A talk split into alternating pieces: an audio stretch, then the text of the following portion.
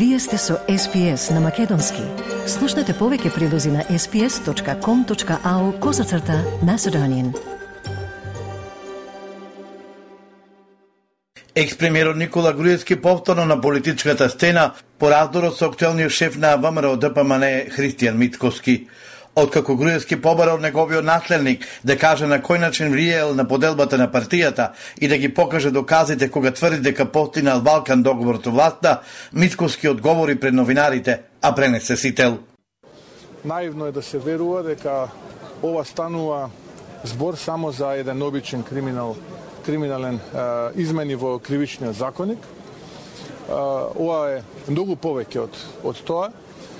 Ова беше едно сценарио кој што го подготвуваше Оската ДУИ, СДСМ и структури делот поранешните раководства во, во ВМРО ДПМН.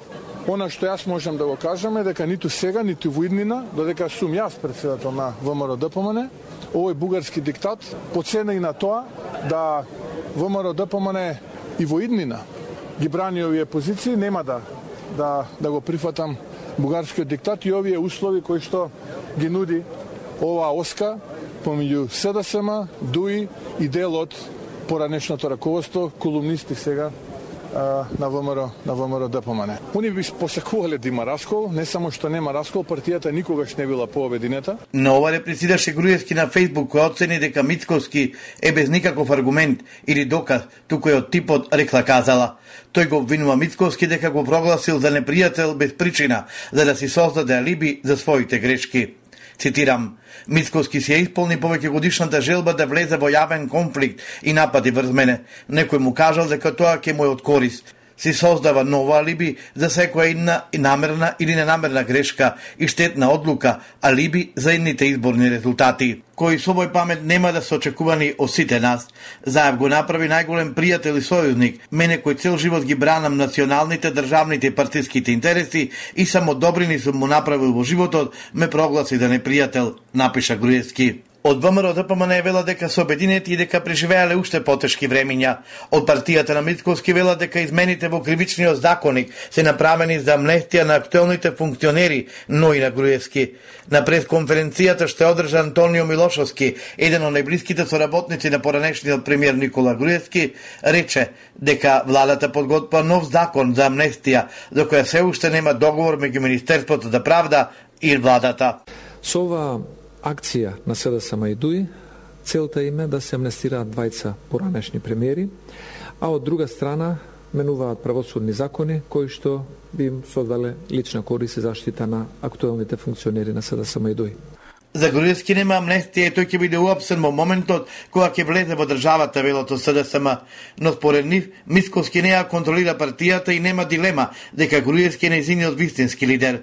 Дарко Каевски, портпаролот на СДСМ, на прес рече. Дали на овој начин, со лажни обвинувања, Мицковски ги прикрива барањата за амнестија на неговите сопартици заради незадоволството токму од него.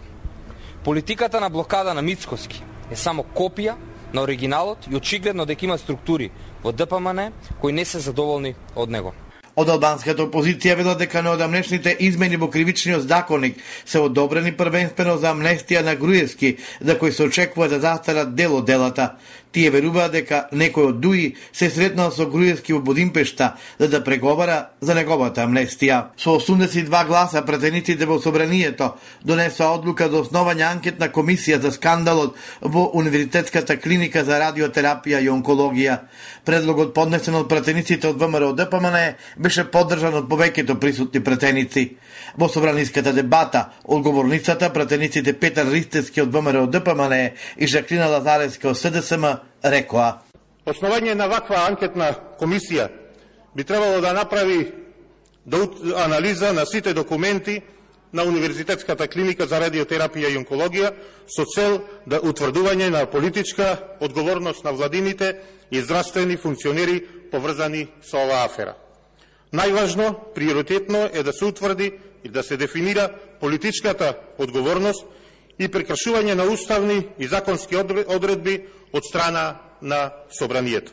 Ние овдека преку анкетната комисија да бараме кои да се членовите, да работат според деловникот, да завршат работата, а не да остане анкетна комисија за да се заташкаат работите.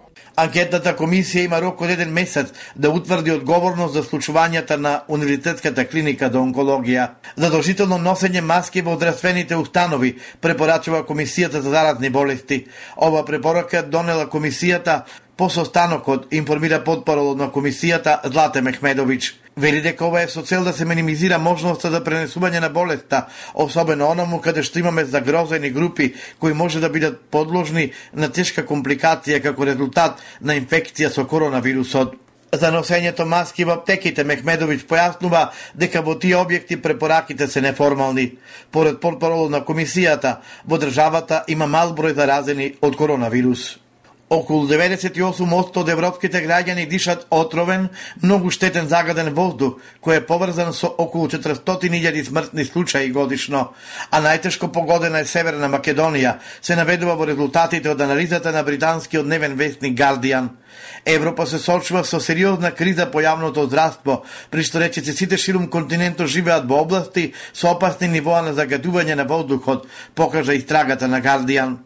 Поред пишувањето на британскиот вестник, најпогодена земја во Европа е Македонија, каде што рече си две третини од луѓето живеат во области со повеќе од 4 пати поголемо загадување од упаспото на Светската здравствена организација, а четири предели има загаденост на воздухот речеси 6 пати повеќе од упаствата на СЗО, клучувајќи го и главниот град Скопје, објави Гардијан. Град Скопје е избран да биде Европска престолнина на културата за 2028 година. Одлуката беше сообщена во куќата на европската историја во Брисел.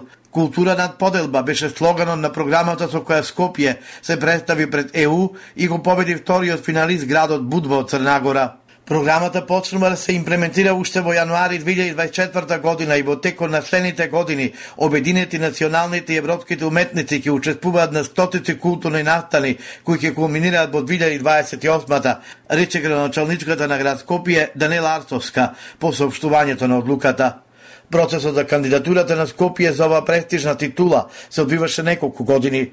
Во него беа вклучени градските и државните културни институции, многу активни чинители од областа на културата и експерти. Поддршка за кандидатурата град Скопје добил Министерката за култура Бисера Костадиновска Стојчевска, владата, председател Стево Пендаровски и други државни институции.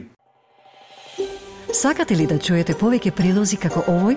Слушате подкаст преку Apple Podcasts, Google Podcasts, Spotify или од каде и да ги добивате вашите подкасти.